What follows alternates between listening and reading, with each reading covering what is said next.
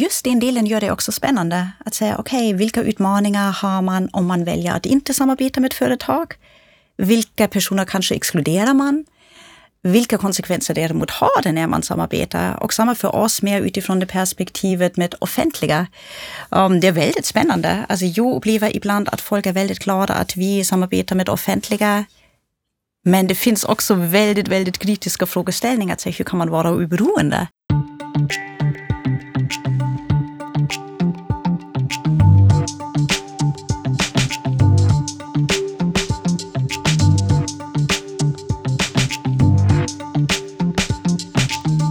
Henrik?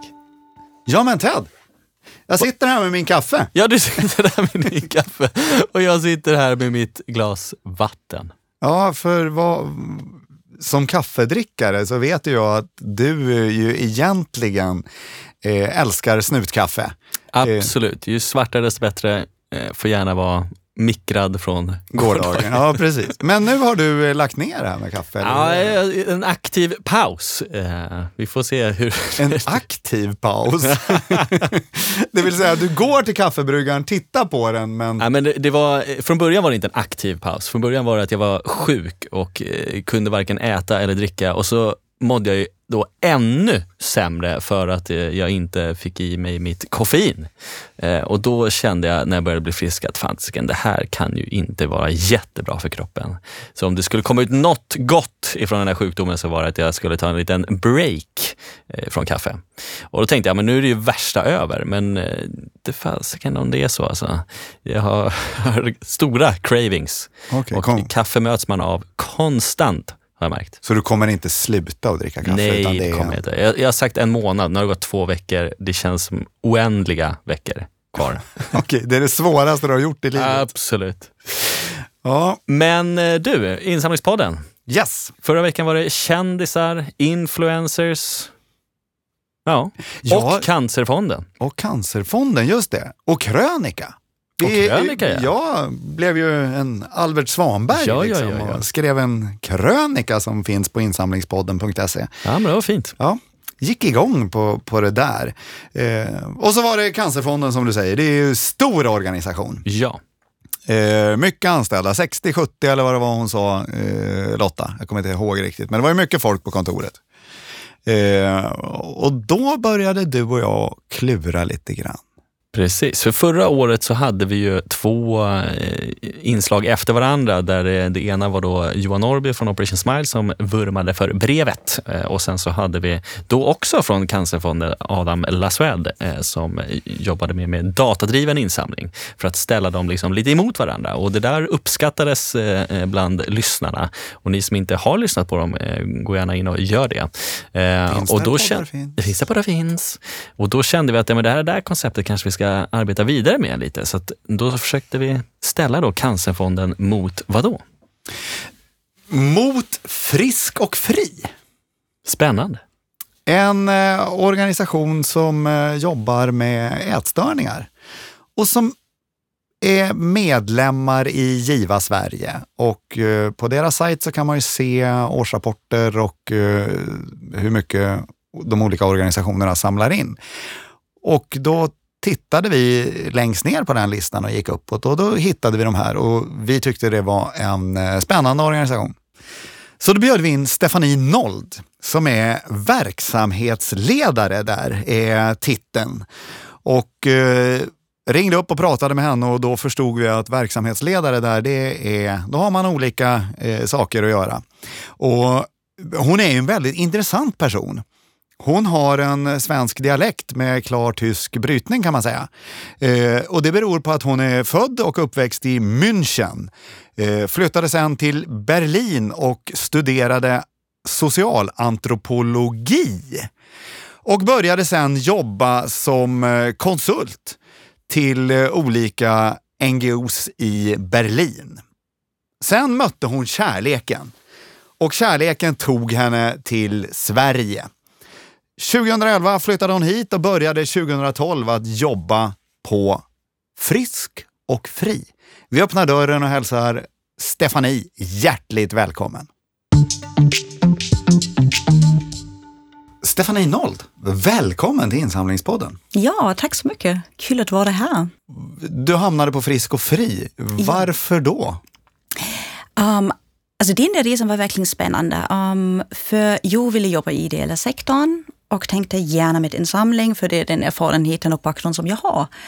Och just då var det inte så otroligt många organisationer. Och under den tiden var det um, inte Frisk och Fri, det var anorexi bulimikontakt. Och jag kände, det blir en utmaning. Alltså också med detta namn, hur jobbar man det? Psykisk ohälsa var något som jag inte har jobbat tidigare med. Och sen var det dubbelt spännande utifrån att säga, jag har också haft egen erfarenhet. Och den där organisationen går också ganska mycket ut med det. Det är jätteviktigt att man har egen erfarenhet. Alltså det är verkligen något som välkomnas. Men det blir väldigt speciellt att söka ett jobb. Jag tänker, oj, hur blir den där delen? Och hur har det blivit? Det blev jättebra. Alltså på intervjun har jag försökt ändå tona ner lite grann. Men så blev det också ganska naturligt, men såklart berörs man av detta i samtalet. För hela organisationen bygger på den egna erfarenheten, alltså antingen att man själv har varit um, drabbad av en ätstörning eller att man har varit närstående. Och det kändes också så väldigt viktigt när man tänker insamling och kommunikation. Hur pratar vi om de frågorna? Alltså hur är man det pratbar? Um, för det känns väldigt viktigt att säga, det finns så många myter och tabu. Hur kan man jobba med detta? Ja, och hur, eh, om vi börjar med, hur definierar ni en ätstörning? Mm. Alltså för oss är det viktigt, det finns ju diagnoskriterier och um, vi vill också vara en organisation, även om du inte har en diagnostiserbar ätstörning, kan det vara så att du har jobbiga tankar kopplat till mat, kropp och ätande. Att jag um, väger mig varje morgon och har mm. en superkoll på min vikt. Mm. Eh, Gör du det? Är det en eh, ätstörning? Jag skulle säga det kanske inte så mycket hur du gör, men mer att säga hur känns det? Alltså går, går du och tar din vikt och det kommer vara avhängigt hur du mår just den där dagen. Är det något som kanske bestämmer otroligt mycket hur du lever resten av dagen, vad du äter, hur du äter. Um, alltså jag tänker att det är ganska mycket att säga, blir det tvångsmässigt, är det något som påverkar dig otroligt negativt, har det mycket med kontroll att göra, då skulle jag säga, är du kanske i alla fall i någon riskgrupp. um, är det något du kör och du kan fortsätta som vanligt mitt i din dag, mm, då är det kanske inte något större problem. Jag har slutat göra det. Mm. Eh, faktiskt, för du frågade om jag gör det. Ja, nej, men mm. jag har, men jag har fortfarande koll på, på min vikt. så. Men jag insåg ju att det här är eh, ett riskbeteende. Just med tanke på det du säger, liksom, att då påverkas man ju hela ja. dagen. Eh, jag vet att eh, har jag käkat en pizza dagen innan, då kommer vågen imorgon bitti, då kommer den gå peka uppåt och då kommer jag dagen därpå äta annan mat eh, tills jag har förbränt den där pizzan. Så att jag naturligtvis, jag visste med mig att jag var i ett riskgrupp och då tänkte jag så här, nej men Henrik, du ska inte hålla på med sånt där. Så att då istället så, eh, nu, men jag har fortfarande koll. Mm. det tillhör kanske min fåfänga, vad vet jag. Mm. Ja. Men hur utbrett är ätstörningar i Sverige? Mm. Alltså det som vi vet idag är det att det är 200 000 människor i Sverige som någon gång under livet drabbas av en diagnostiserbar ätstörning. Sen är mörkertalet um, särskilt högt um, just som generellt med psykisk ohälsa och det är svårt att säga men det är kanske ofta också människor som vi kommer i kontakt med som inte vågar söka vård, som inte har fått vård. Um, och jag skulle säga särskilt personer som kanske inte passar in i den klichébilden vad en ätstörning är. Alltså det är svårare jag. Men ja, för män är det fortfarande svårare tror jag ofta. Män som närmar sig 50? Mm. Nej, det kanske, alltså jag tänker oberoende av åldersgrupp. Mm. Men du lägger också fingret på något annat. Det är också ganska ofta att vi får frågeställningar från människor som är äldre. För man tänker, men det är tonåriga tjejer som drabbas. Så blir det ännu mer svårt att säga, är det något som jag behöver ta på allvar? Har jag rätt att söka vård? Och till vem vänder man sig? Och sen ser vi också delvis finns det brister i primärvård, men som sagt 200 000 är det som syns. De andra kan kanske ligga i riskzonen, men det finns säkert många fler som har en ätstörning utan att vi vet. Och hur arbetar ni som organisation då mm. med det här? Hur, ni har hela Sverige som arbetsfält. Ja, det har vi. Och det är också, men hur gör man det på bästa sättet? För så en stor organisation är vi inte. Men um, egentligen kan man säga att vi bygger på tre um, ändamålsområden. En är att vi ger stöd till drabbade och närstående och det som en komplement till vård. Alltså ganska mycket utifrån den egna tidigare erfarenhet. Så det är ganska mycket fokus på att säga, förmedla hopp, um, göra det pratbart, hänvisa till vård om det behövs och vi har olika kanaler. Um, vi har ett rikstäckande stöd genom chatt och telefon och mejlstöd. Och sen har vi på vissa platser, alltså vi har totalt 11 lokalavdelningar, um, har vi också öppna träffar, stödgrupper, vi erbjuder mentorer. Så det ser lite olika ut, men i alla fall oavsett var man bor kan man få stöd. Den andra delen är, den är lite yngre i vår verksamhet. Um, vi också, uh, arbetar också förebyggande. För efter ett tag fanns det också en viss frustration att säga, nej men det är så otroligt viktigt att vi ger stöd. Men det känns också viktigt att säga, hur är det egentligen med de orsakerna? Det behövs mer forskning. Det finns också något samhällsansvar. hur pratar vi om ideal? Hur pratar vi om psykisk ohälsa överlag? Och då har vi en utbildningsverksamhet. Den brukar främst riktad um, till unga där pratar vi om um, självkänsla, medias ideal. Alltså ganska mycket fokus på att säga men hur kan man förebygga, inte så mycket om ätstörningar. Um, sen har vi en stor fokus på idrottsvärlden. Det var många idrottsorganisationer som kontaktade oss och sa men jag är orolig för kanske någon medlem om det är en förening eller kanske någon tränare som kände sig osäker. Um, och den andra stora delen är kopplad till vård och också delvis arbetsplatser. Alltså hur gör man när man tänker kollegan mår inte bra, vem tar då ansvaret? Och tredje del är vårdpåverkan. Det har vi också haft med från början, men det ser väldigt olika ut. Alltså det kan vara så att det finns kanske en regeringsuppdrag och vi är med på ett remissvar. Det kan vara så att vi sitter med i ett lokalt brukarråd eller kanske att någon ätstörningsklinik hör av sig och vi utbildar personalen. Så det är väldigt olika där. Och de här som är drabbade och hör av sig till er, hur, kommer de, hur hittar de er och era telefonnummer och chatt? Mm. Alltså, jag tänker det är också något, alltså generellt som organisation, vi behöver definitivt nå ut bredare. Idag är det ganska mycket, googlar man om ätstörningar, mat, kropp, mående, där är det ganska enkelt att hitta oss. Alltså där kommer vi verkligen upp väldigt snabbt. Um, och sen um, får vi också ofta höra att kanske någon har tipsat om oss. Det är kanske någon vän som gjorde någon positiv erfarenhet. Eller man har redan varit i kontakt med vården och i alla fall när det kommer till specialistvård är det ändå rätt så många som vet att vi finns. Så jag skulle säga det är kanske de tre vägar, att du själv googlar, du har någon i närheten som tipsar om oss eller genom vården. Men då, då, då kontaktar man er. Är det, har ni väldigt mycket personal som sitter eller jobbar ni med volontärer? Mm. Och hur, hur ser er struktur ut där ja, på det viset? Um, vi har totalt 220 volontärer och framförallt i stödverksamheten är det verkligen främst en ideell verksamhet. Alltså de driver otroligt mycket. Men det känns också otroligt viktigt att säga, men hur tar vi hand om volontärerna? Hur samordnar man? Så på så sätt um, har vi också som komplement, skulle jag nästan säga, anställda. Det är på Rikskansliet totalt 11 deltidstjänster och sen har vi fem ytterligare um, deltidstjänster utspridda i landet. Mm. Um, och där är de rollerna lite olika, men framförallt i lokala avdelningar är det så att det finns en som har egentligen en samordnande roll som vi kallar kontaktperson eller regionansvarig. Och på Rikskansliet som i många organisationer, vi har en kommunikationsteam, um, vi har en team som jobbar med samordning, vi har en team som sysslar med utbildning. När vi eh, letade eh, efter dig och efter eh, din organisation. Ja, vad spännande. Så, vad har ni sett? Jo, så, eh, så var vi intresserade av att just prata med en, en relativt liten organisation mm. och just få reda på hur jobbar man och, och hur, ja. hur, får man, hur får man in pengar och, mm. och sådär.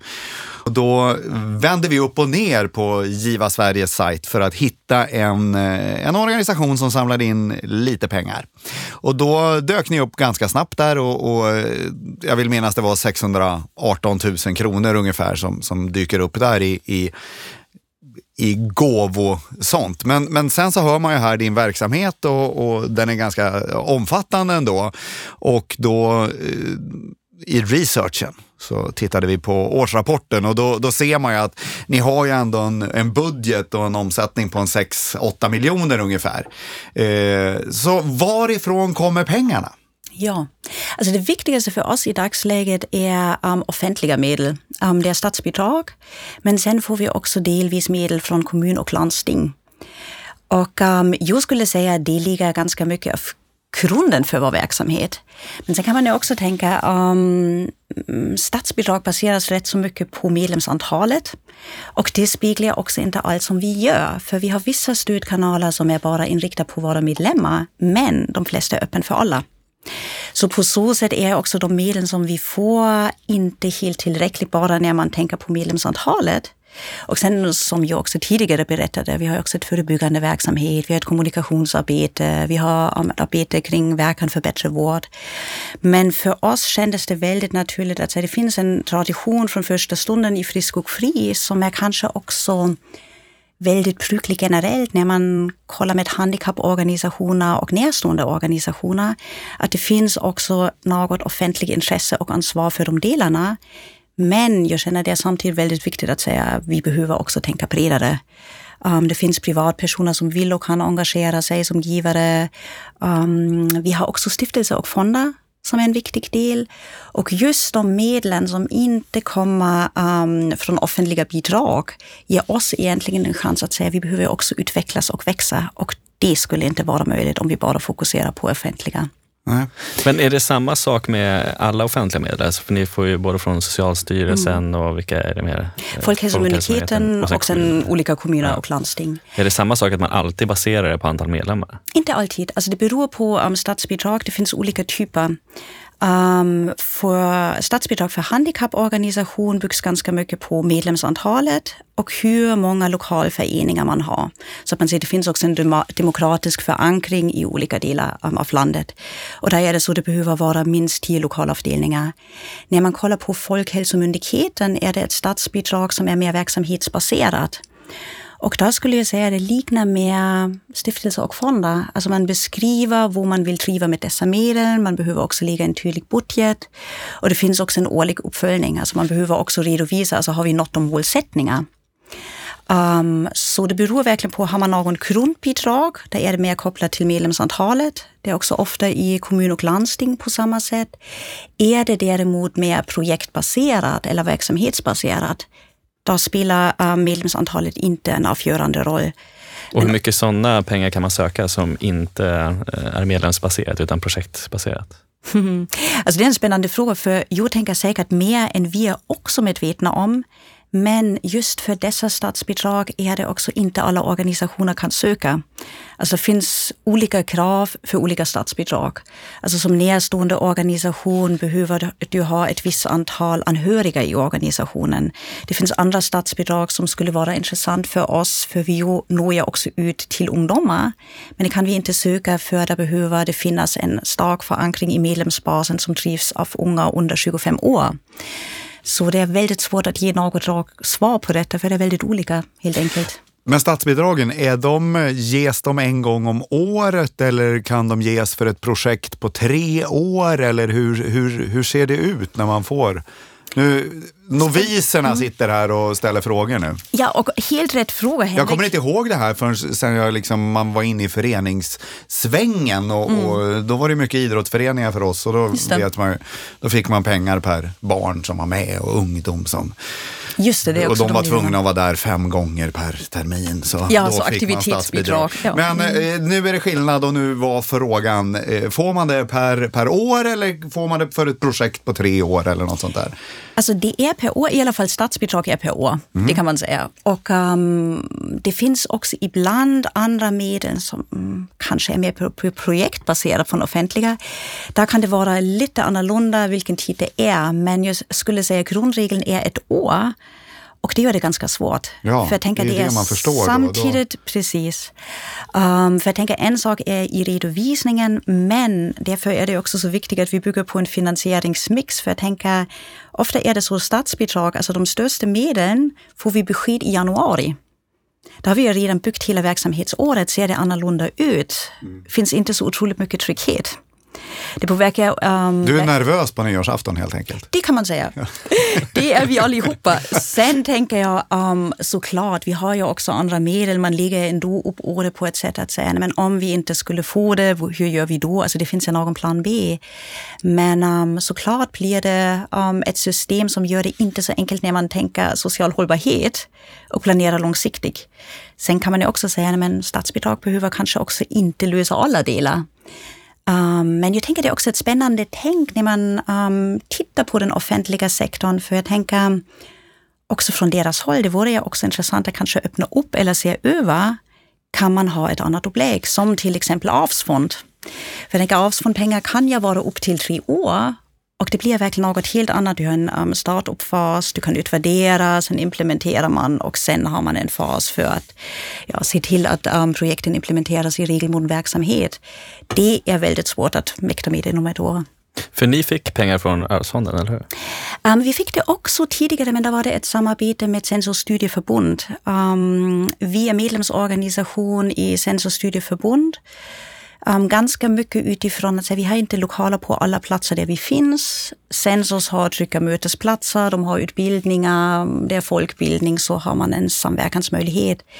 Och um, när vi sökte arvsfondsmedel var det i samarbete med dem.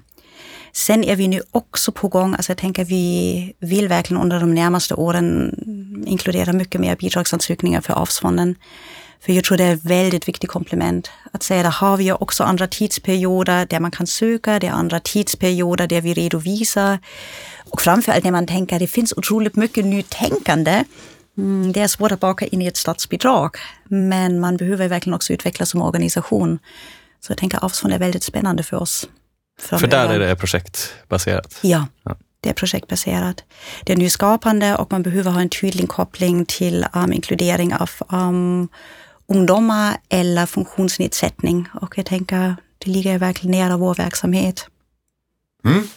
Och rapporteringsmässigt, hur mycket eh, tid och engagemang måste ni lägga av er arbetstid på att eh, hantera rapporteringen av de här statliga pengarna? Det tar ganska mycket tid skulle jag säga. Um, sen tänker jag också som också i en samling tänker jag, har man vissa rutiner på plats, har man lärt sig hur man gör, det blir också enklare. Så jag skulle säga att vi har ändå en rätt så stor vana med den um, återrapporteringsprocessen. Um, men samtidigt känns det också viktigt i återrapportering, var lägger man in? Alltså vi försöker verkligen lägga också mer tid på detta, för jag tänker, den återrapportering kan vi kanske också använda i andra sammanhang. Vad har vi åstadkommit? Hur anpassar man de texterna att det har en relevans för medlemmarna? och vi gemensamt har åstadkommit. Eller kanske också till och med i um, kontakt med företag. Det finns ju såklart en annan logik när man går till ett företagssamarbetspartner. Men vissa delar kan man verkligen plocka. Men um, det är mycket tid. Alltså tänker av min tjänst skulle jag säga, alltså bidragsansökningar och återrapportering, det är nästan hälften av tjänsten. Det är så, ja. ja. ja. Eh, du pratar i varm om, om arvsfonden och pengarna därifrån. Mm. Eh, tittar ni på fler och andra typer av stiftelser och fonder också? Absolut. Alltså arvsfond tänker jag är särskilt spännande när man tänker tidsperiod. Mm. Um, för många stiftelser och fonder har ett år. Sen finns det också, alltså det beror jag verkligen på, det finns ju också en bredd där, alltså vissa har två år, det finns olika möjligheter. Men det gör vi absolut. Um, dels tittar vi lite på mindre stiftelser när man tänker att det kan ju också vara intressant um, med lokala stiftelser för våra lokala avdelningar. Det gör vi. Vi har också um, stiftelser och fonder som vi samarbetar med ganska länge nu. Att säga man söker regelbunden. Man har såklart inte garanti att varje projekt går igenom, men det är också lite enklare att säga, men det finns i alla fall någon vetskap om hur de jobbar, hur vi jobbar. Stopp och belägg, jag måste fråga där. Eh, lokala stiftelser eh, sa du. Eh, är det då så att ni, eh, lokalföreningarna själva får söka från dem eller sköter ni det centralt? Alltså vi skötte det, um, alltså jag skulle säga både och. Alltså ibland kan det vara så att en lokalavdelning kommer med något initiativförslag. Sen stämmer de av med oss på Rikskansliet. Men um, alltså det är väldigt um, välkommen att också lokalavdelningar tar sitt eget um, initiativ. För ofta är det så, de vet ja bättre vad som finns på plats. Så blir det på så sätt ett samarbete. Alltså vi behöver stämma av så att vi hänger också med och kan vara förberedda om vi får pengarna. För um, administrationen sköts centralt, men initiativet kan komma från en lokalavdelning också. Mm. Och på riksnivå, hur eh, hittar ni nya stiftelser? Ja, alltså det är det skulle man också kunna se över att säga, det finns säkert många sätt som vi skulle kunna jobba med som vi inte gör idag, men det finns ja olika förteckningar om stiftelser. Och det är egentligen en rutin att säga en, två gånger per år går vi igenom de online-förteckningar ja. och kollar, finns det kanske något nytt? Men ofta är det så många stiftelser och fonder har ju funnits ganska länge, men det händer ju också en hel del i området. Så för oss är det helt enkelt viktigt att säga, vi kollar igenom så att vi inte missar om någon ny stiftelse dyker upp som har med vårt område att göra helt enkelt. Och är det du som ansvarar för det i er, eh, på er organisation? Ja. Det är det? Det, det ligger på verksamhetschefen? Precis, det ligger på verksamhetschefen och det kan man också tänka um, framtid. Alltså det finns i femårsplanen i alla fall intänkt att säga det jag tror det har ett otroligt stort värde att man delar upp de rollerna. Um, att jag kan vara verksamhetschef och att de delar som har med offentliga bidrag, stiftelser och fonder att göra kan skötas av en annan person.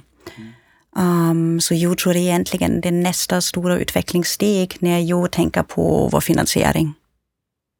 Spännande. Mm. Och tittar man bakåt, då, sen du kom in, vad har hänt med Frisk och Fri på de här åren? Mm. Alltså jag tänker att det största som har hänt, för jag har ju kommit in som insamlingsansvarig för, på ett ettårig um, projektanställning. Um, och jag tänker att det som främst har hänt är att vi jobbade mer utifrån varumärke. Alltså vi har bytt namn från anorexi, bulimikontakt till Frisk och Fri, Riksförening mot ätstörningar. Um, vi har satsat mer på att säga, vi har nu en pressansvarig. Um, vi har också satsat mycket på att säga, det finns olika typer av statsbidrag. För jag tänker, tänker man en samling och vi vill starta upp med företag på sikt och privatpersoner känns det verkligen viktigt att säga, det behöver ju finnas någon form av marknadsföringsbudget. Um, I dagsläget skulle jag säga, så mycket utrymme har vi inte. Men nu har vi i alla fall mycket fler olika bidragsgivare så det är lite tryggare, vi har lite mer buffert och kan på så sätt också ta de nästa steg. En annan viktig del tänker jag, men det har också påbörjats redan tidigare, var verkligen att säga vi behöver blicka lite inåt. Vi har vuxit ganska snabbt ändå. Det är mycket, mycket ideella krafter och det kändes väldigt angelägen att säga, vi behöver fokusera på um, internutbildning. Hur kan vi se till att um, volontärerna har också en bra chans att utvecklas i sina uppdrag? Hur tänker vi där? Hur ser vi till att det finns vettig handledning och hur kan vi också förankra det i teamet? Så jag skulle säga fokus var ganska mycket på interna processer de närmaste tre, fyra åren. Och hur ser man på insamling inom organisationen? För det blir ju lätt med ideellt engagemang och att man brinner för sin verksamhet, att det här med pengarna blir något slags nödvändigt ont, men mm. något man kanske inte vill prioritera. Alltså jag skulle säga att det finns i alla fall en, en stor nyfikenhet och det finns också vetskap att det är verkligen något som vi behöver. Um, sen tänker jag det är alltid den delen kring prioriteringsfråga, för jag tänker vi har också utvecklat otroligt mycket våra stödkanaler. Um, det känns otroligt viktigt om behov har betydligt, blivit betydligt större. Och jag tänker, vill man satsa nytt, betyder det också ofta att säga, kan man kanske inte prioritera um, lika starkt under en viss period de andra delarna. Och jag tänker i den processen är vi. Men um, jag upplever inte att det finns så stora rädsla med insamling. Alltså kanske mer en ödmjukhet att så länge det är tydligt att du kan få vårt stöd, även om du inte giver det, alltså det är inte en förutsättning, um, tror jag det finns många inom organisationen som vill engagera sig. Um, Ni samlar in drygt en halv miljon ifrån privatpersoner och företag i alla fall. Eh, och eh, hur, hur ser den insamlingen ut? Vilka kanaler använder ni och, mm. och eh, och sådär. Hur kommer pengarna in? Ja, alltså privatpersoner, för det känns det också, även om vi inte satsar strategiskt, alltså vi har ju ändå i plats att säga, men det finns en taxsystematik, um, du kan ge pengar via kortbetalning på hemsidan. En väldigt viktig kanal för oss är Facebook och det främst um, utifrån att starta födelsedagsinsamlingar eller något, alltså att man samlar in pengar åt oss. Um, så hemsidan och Facebook skulle jag säga är de viktigaste kanalerna. Um, en annan viktig del är våra medlemmar. Vi är väldigt försiktiga att kontakta dem inte alldeles för mycket, just av den anledningen som jag nämnde. Många har kanske också tuffa ekonomiska förutsättningar, vi vet inte det. Många är i behov av stöd, det behöver vara tydligt att säga, du behöver inte skänka pengar för annars får du inte hjälp. Men um, från medlemmarna är det också ganska vanligt att säga, men skänker en julgåva. Det kommer tillsammans med medlemsfakturering um, och då är det i form av brevutskick. Mm. en gång om året. Företag är också något att säga, jag skulle gärna hinna med mer. Det finns kanske inte så ett stort strategiskt arbete kring detta. Men... Ni har ett stort samarbete med DAV såg jag.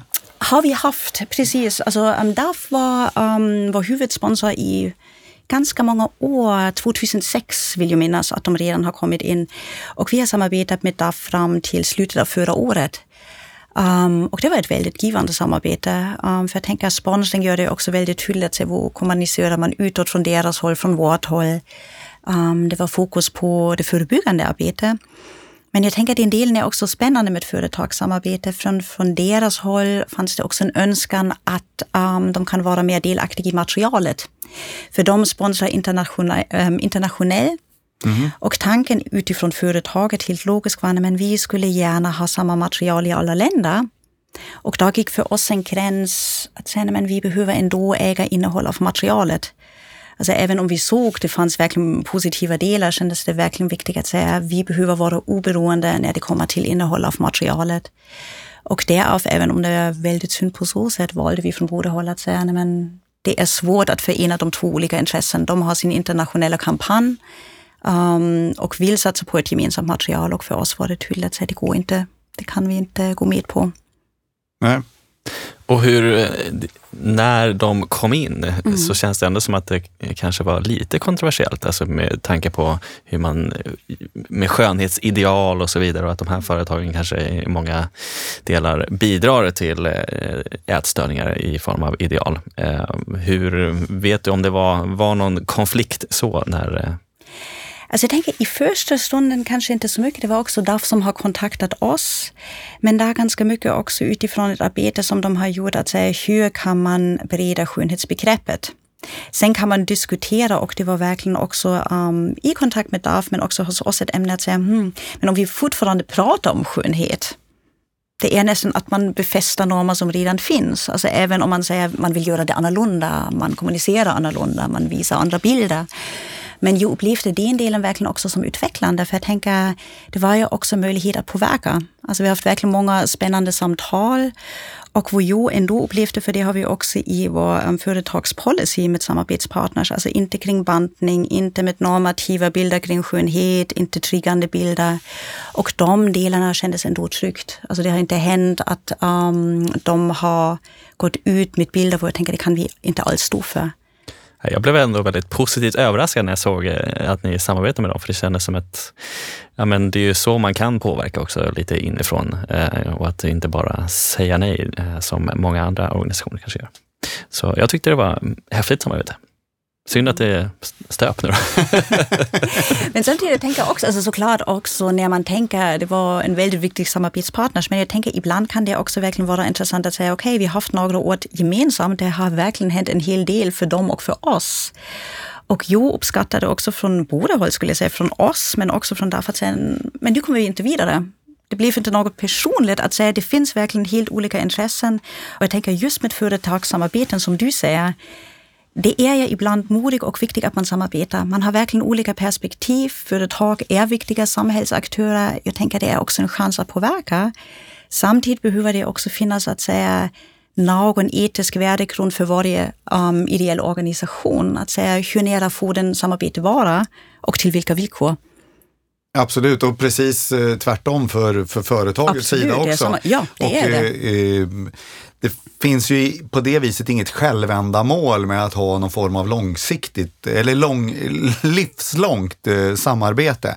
Eh, för att då eh, tappar man ju associationen, då blir ja. man ju en del utav istället och, och då kan man ju bli, som du säger, för nära.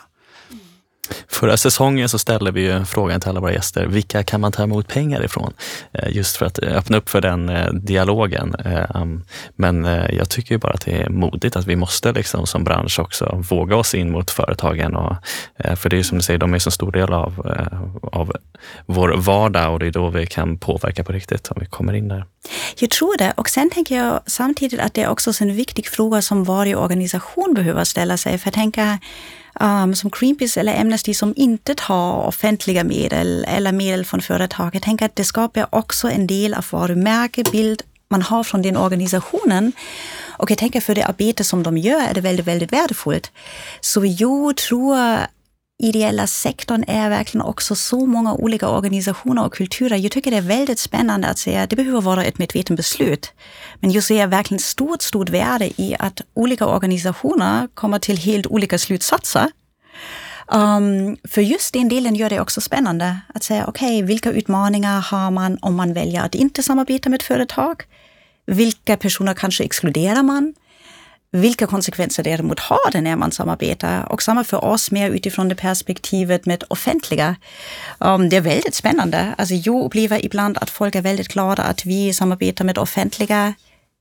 Men det finns också väldigt, väldigt kritiska frågeställningar. Alltså hur kan man vara oberoende? Hur går det till om man har en myndighet och vi sitter där och skriver ställningstagande? Att vi ser ett behov att de ändrar ganska mycket i deras förhållningssätt. Och tre månader senare skickar man sin bidragsansökan. Och jag tror att det är fullständigt möjligt, men det är en balansgång och det blir väldigt spännande diskussioner. Och jag tror det krävs otroligt mycket transparens. Um, jag tycker ibland är det synd, alltså jag tror det finns ganska mycket rädslor. Och ganska mycket att döma varandra och tänka nej, alltså jag är egentligen mycket intresserad av just komma i kontakt med organisationer som drar slutsatser som tänker, hur kan, man, hur kan man göra så? Och så blir det just då ofta spännande samtal. Aha, men ni tänker så där. Sen är det kanske inte varje gång att man hittar någon konsens. Men um, det blir lite mer mångfald och roligheter ute i samhället och jag tror det behövs verkligen för just det engagerar jag också. Att man kan välja vilken organisation litar jag på? Vad tycker jag är viktigt för mig? Um, så ja. Då ser vi fram emot att få se något spännande samarbete längre fram här. Mm. Ja, Stefanie, vi ska ja. bara ta en liten paus och så ska vi bjuda in eh, Josefina här i studion. Ja, fantastiskt. Ja men det är bra, vi, vi tar en paus här och så har vi ju breaket vi brukar göra och uh, Josefina Benasos från Giva Sverige har kommit in i studion. Ja, hej! Hej! Hur är läget idag? Ja men det är fint. Det är fint. Kul att vara här. Ja, ja, det är alltid lika roligt att ha dig här. Man ser fram emot det här. Du uh, brukar ju komma hit och uh, leverera siffror och statistik till oss. Och eh, Ted och jag, vi har något att diskutera i en vecka sen efteråt, för vi tycker det är så himla intressant. Mm. Eh, vad känner du att du vill snacka om idag då? Ja, men idag tänker jag att vi ska prata om kontraktsgivande, som vi på Giva Sverige kallar det. Alltså ni vet det här regelbundna givandet, månadsgivandet, där givaren på något vis har ju ett löfte om att jag kommer ge regelbundet till just din organisation. Den vanligaste formen är ju autogiro. Och det här tänker jag är intressant för att det, det är faktiskt en väldigt stor del av givandet från privatpersoner. Om ni kommer ihåg, eh, när vi träffades första gången så pratade vi om hur mycket skänks i Sverige årligen. Ja, men totalt var det ungefär 8,8 miljarder eh, 2018. Utav ja. det så står allmänheten för ungefär hälften.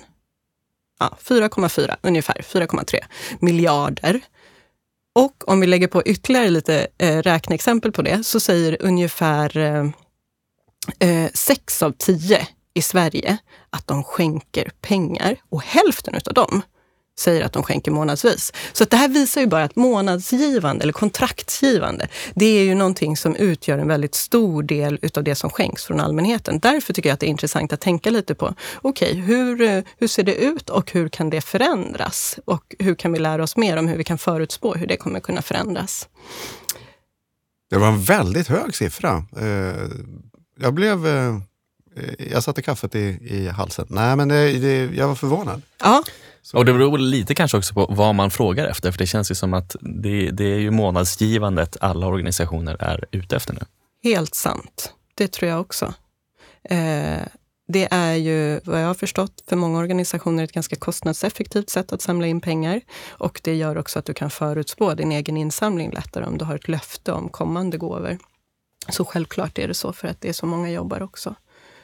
Eh, vi på Giva Sverige tar ju fram eh, nyckeltal för givande, där vi egentligen frågar våra medlemsorganisationer, hur många gåvor har ni tagit emot och hur mycket var de värda? Och sen fördelar vi det på några underkategorier. Och det här gör vi ju för att vi vill förstå hur utvecklas insamlingen? Hur utvecklas våra medlemmars insamling? Och lite mer i realtid än efter ett helt år har gått eller sådär som vi av tradition har mätt tidigare. Och i de här eh, nyckeltalsmätningarna som vi gör kvartalsvis så frågar vi exempel hur mycket eh, får ni in via kontraktsgivande och hur mycket är de gåvorna värda? Och där kan vi se, om vi tänker på organisationer i lite större storlek, de som samlar in till exempel 25 miljoner kronor eller mer, så kan vi se att i Vad hamnar vi på topplistan då? Så vi vet, är det topp 30, topp 40 någonstans? Eh, då har vi drygt 50 organisationer med 50 oss. till och Ja, med? precis. Drygt 50 organisationer utav Givas 160 medlemmar samlar in mer än 25 miljoner kronor om året. Ehm, ja, men om vi tittar på en sån organisation eh, så kan vi se att i snitt så har de ungefär 40 000 månadsgivare. Och det skiljer ju såklart. Vissa av de här organisationerna kanske inte jobbar med månadsgivande eller kontraktsgivande överhuvudtaget. Men i snitt så har de ungefär 40 000 månadsgivare. Och i snitt så skänker de här månadsgivarna 130 kronor i månaden. Mm. Är det någon som har räknat ut snabbt i huvudet hur mycket det blir per månad per organisation? Nej. Jag ger det till Henrik. Nej, jag har inte gjort det faktiskt. Skulle fått släppa den till min son som är ett orakel på huvudräkning, men eh, jag klipper inte den. Så du får leverera den siffran till oss. Okej, så 40 000 månadsgivare, 130 kronor i månaden per givare. 5,2 miljoner i månaden. Det är ju supermycket pengar för våra organisationer. Om man då tänker sig, vad händer om vi, om vi ser en utveckling, antingen neråt eller uppåt, eh, på en krona per månad, vad gör det för skillnad?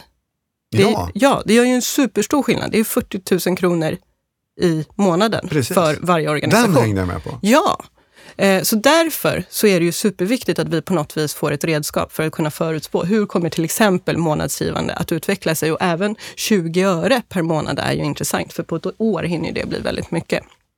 Eh, Så det, det är liksom ett av syftena med att eh, eh, följa sitt givande och följa det också nationellt. För att inte bara titta på sin egen organisation, för där kan vi ha så många andra faktorer som påverkar, eller det är specifika händelser. Men får vi data samlat för flera organisationer så får vi ett redskap att kunna eh, kunna analysera och förutspå hur vi tror att framtiden kommer utveckla sig och vad det innebär för vår prognos för vår insamling för året eller för de fem kommande åren till exempel. Det som vi har sett nu, eh, när vi har mätt under de ungefär senaste nio månaderna, är att månadsgivandet för organisationer av den här storleken, eh, vad det gäller antalet månadsgivare så har det ökat, inte jättemycket, men med ungefär 3 procent. Och vad det gäller beloppen så har de under de senaste nio månaderna ungefär ökat med 15 procent, snittgåvorna för månadsgivare. Ehm, Intressant ju. Intressant. Så jag tänker att kika på den här typen av nyckeltal kan ge en väldigt stabila verktyg för att eh, sätta sina egna prognoser. Och det är ganska tydligt att man ska fortsätta satsa på månadsgivare. Vi ser inte någon tendens till liksom avmattning eller liknande. Ehm, så att... Mm. Ja. Mm. Ja, men det där eh, eh, var mycket nyheter faktiskt. Mm. Eh, Att det var så, så höga siffror. Eh, Framförallt väldigt mycket siffror att ta till sig. Ja. Mm. Man får backa i podden och eh, lyssna igenom igen, skriva upp och notera. Eh, men vi tackar Josefina för dagens besök. Tack för idag. Du kommer tillbaka nästa vecka. Självklart. Ja, vad kul. Fino! Ja. Hej! Hej.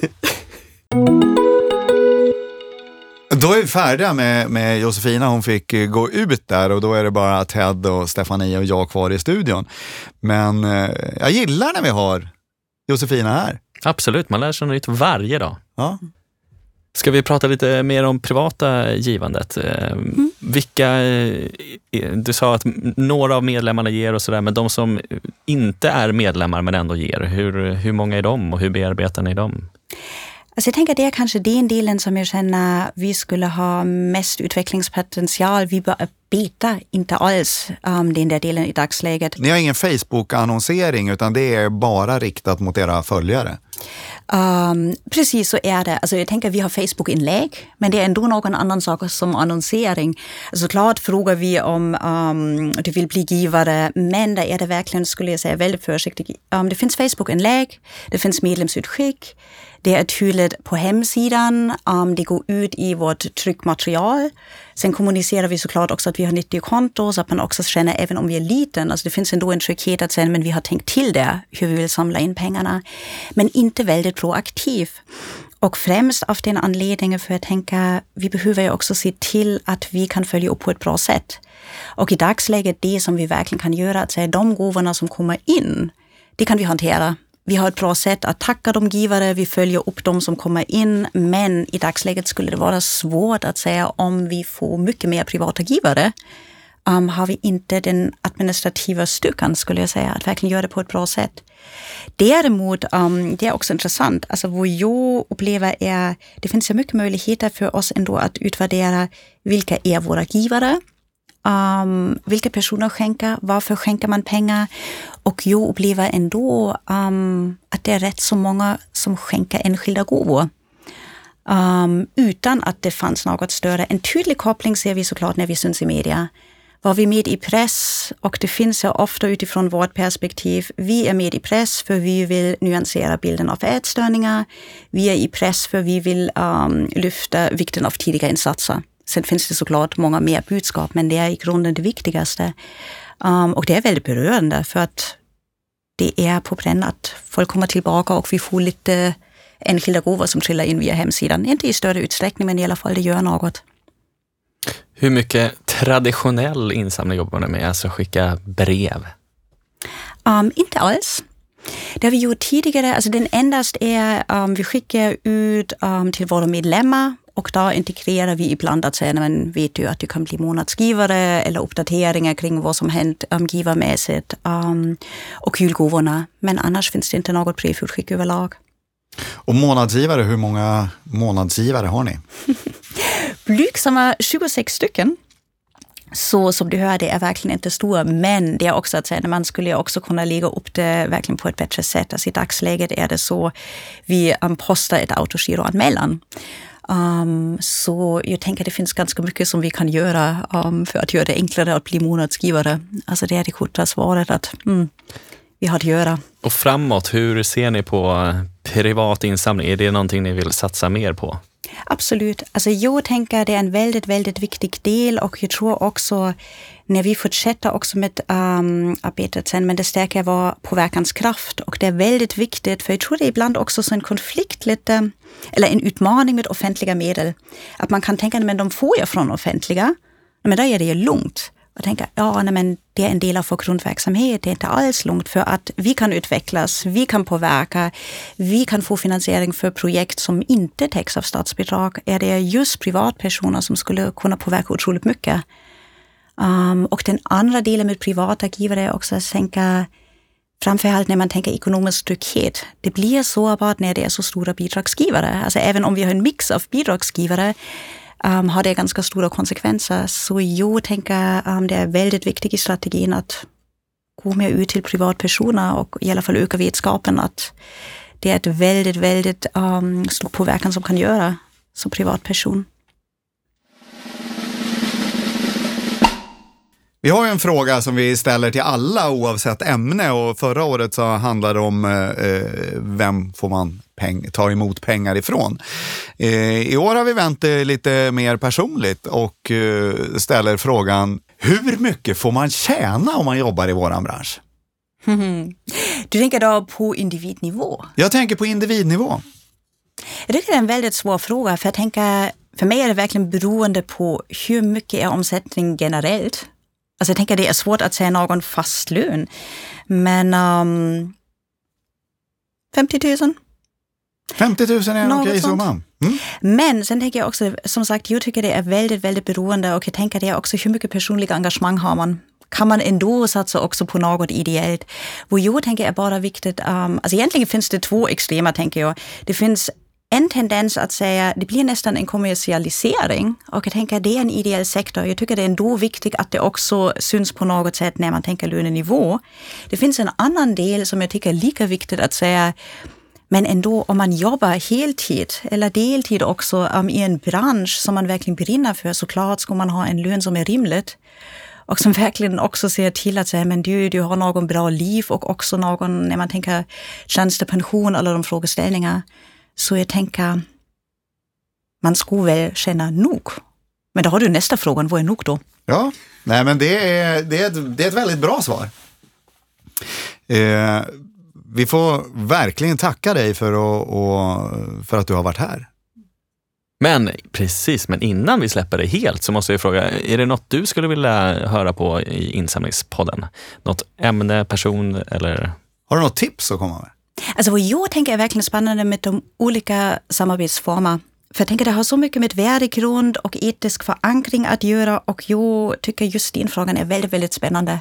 Vilket resonemang drar man och varför jobbar man tillsammans med vissa partner? Delvis har ni också redan tagit upp det. Men jag känner det vore spännande att ha mer dialog kring detta. Den tar vi med oss. tar vi med oss. Och så får vi börja kolla upp någon som vill vara här och prata om det. Mhm. Stort tack för att du kom hit till oss. Ja, tack för att jag fick vara här.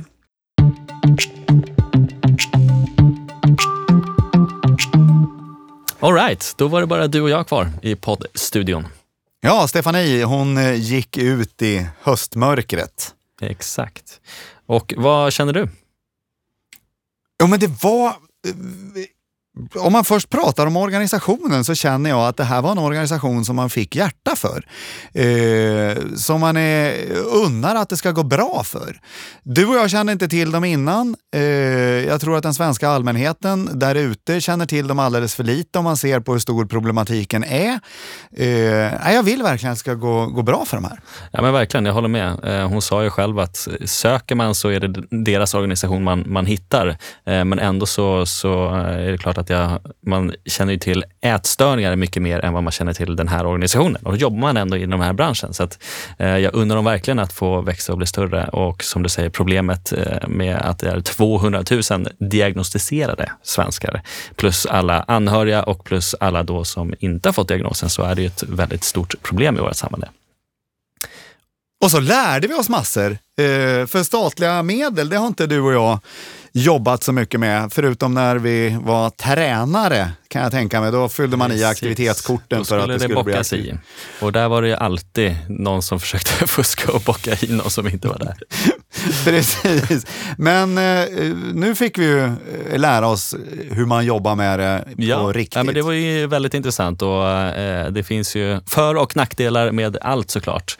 Eh, det är klart att det, det, eh, de får ju största delen av sina pengar därifrån så det är ju positivt. Nackdelen verkar ju vara just det här att de inte får veta förrän i januari eh, vilket stöd de får.